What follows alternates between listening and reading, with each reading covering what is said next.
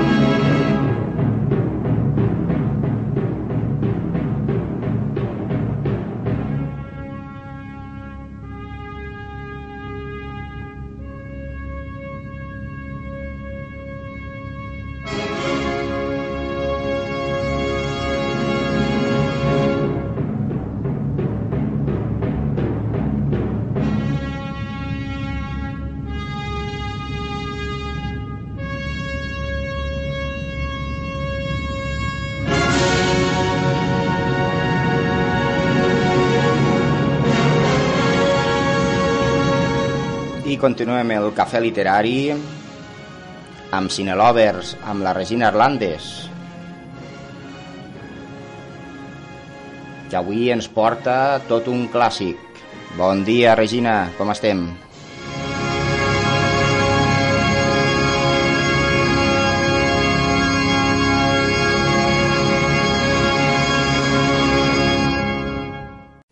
Paco. Bon dia, amics del Cafè Literari. pues bueno, moltes ganes de presentar-vos la pel·lícula d'avui, que com tu molt bé has dit, Paco, és tot un clàssic, ni nada más ni nada menos que 2001, Una odissea de l'espacio, dirigida per l'Stanley Kubrick al 1968, basada en una sèrie de, de relats del científic i escriptor Arthur C. Clarke, que és un referent al món de la literatura de ciència-ficció.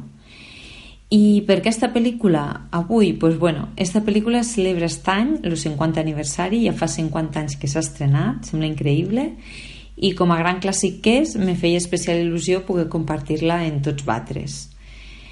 Eh, S'ha de dir que és una pel·lícula que va transformar el paisatge de la ciència-ficció cinematogràfica, que està considerada una obra mestra i ens llança i el que m'agrada molt és que ens llança un missatge de llum, positiu, que té que veure en l'evolució i en la transcendència del ser humà. Si us sembla bé, escoltem el tràiler, ens posem en situació i comentem lo millor i lo pitjor de la pel·lícula d'avui. Endavant, Paco, gràcies. Ah, comentar-vos que, que no us havia comentat que va aconseguir quatre nominacions a l'Oscar i només n'hi va guanyar un. L'Oscar a millors, als millors efectes especials merescudíssims. Ara sí, escoltem el tràiler.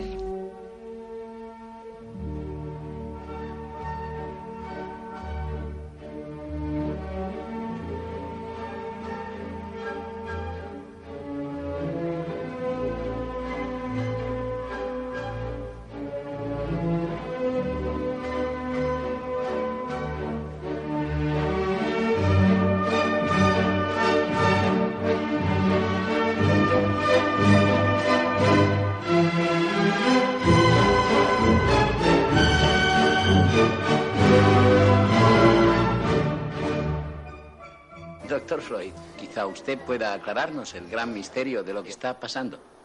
¿Qué quiere decir? Se ha declarado una seria epidemia en Clavius. No estoy autorizado para hablar de eso.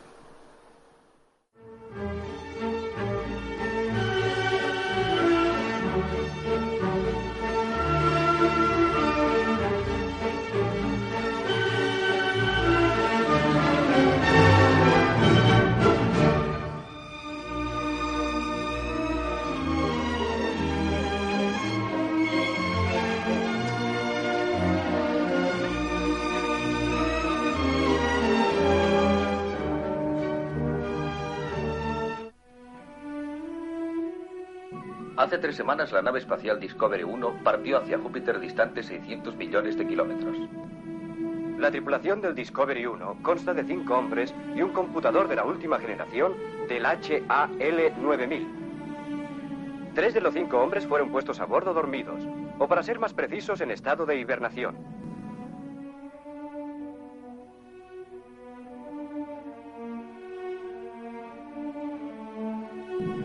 Un momento. Un momento. Acabo de notar un fallo en la unidad E AE35.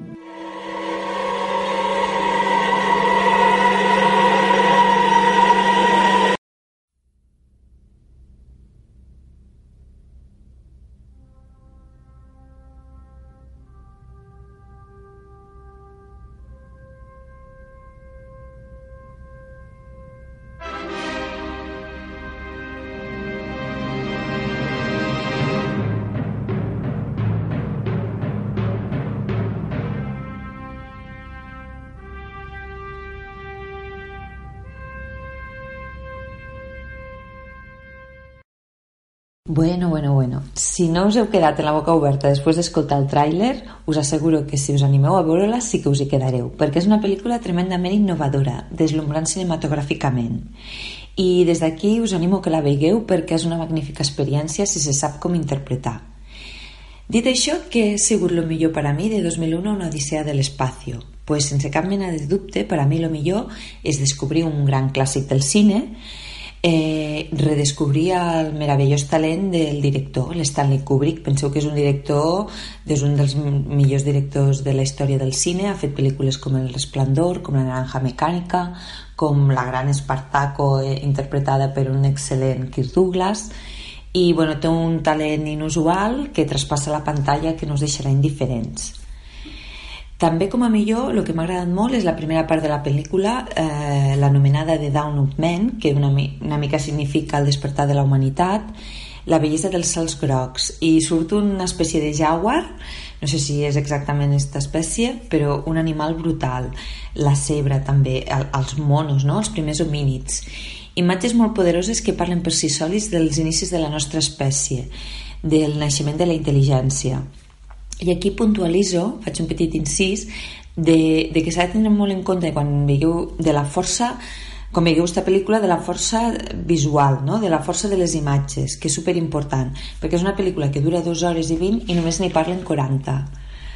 I això me porta de ple a lo que és el tercer millor d'esta pel·lícula, perquè a la banda sonora juga un paper molt important i és una pel·lícula que té molt pocs diàlegs i destaco mm, de, tot, de tota la música que escoltem destaco dues obres de música clàssica que són L'Amanecer de la Si hablo Zarathustra del Richard Strauss que és un gran clàssic i bueno, el Danubi Blau que sense paraules del Johann Strauss i bueno, sentats uh, mirant la pel·lícula escoltant estes, estes, esta, esta música bueno, et fan oblidar de tot i submergir-te en el començament de la humanitat i en el que sigui, no? te transporta totalment també m'he impressionat molt de la pel·lícula i ho he trobat molt original i molt bonic els punts de color que van apareixent i més quan es tracta d'una pel·lícula de l'espai. Jo les pel·lícules que he vist normalment que retraten les naus espacials, la ciència ficció pues tenen una gamma de colors molt gèlida que va entre els grisos, els blaus el blanc però aquí en aquesta pel·lícula també està aquesta gamma de colors però a més a més hi surten puntualment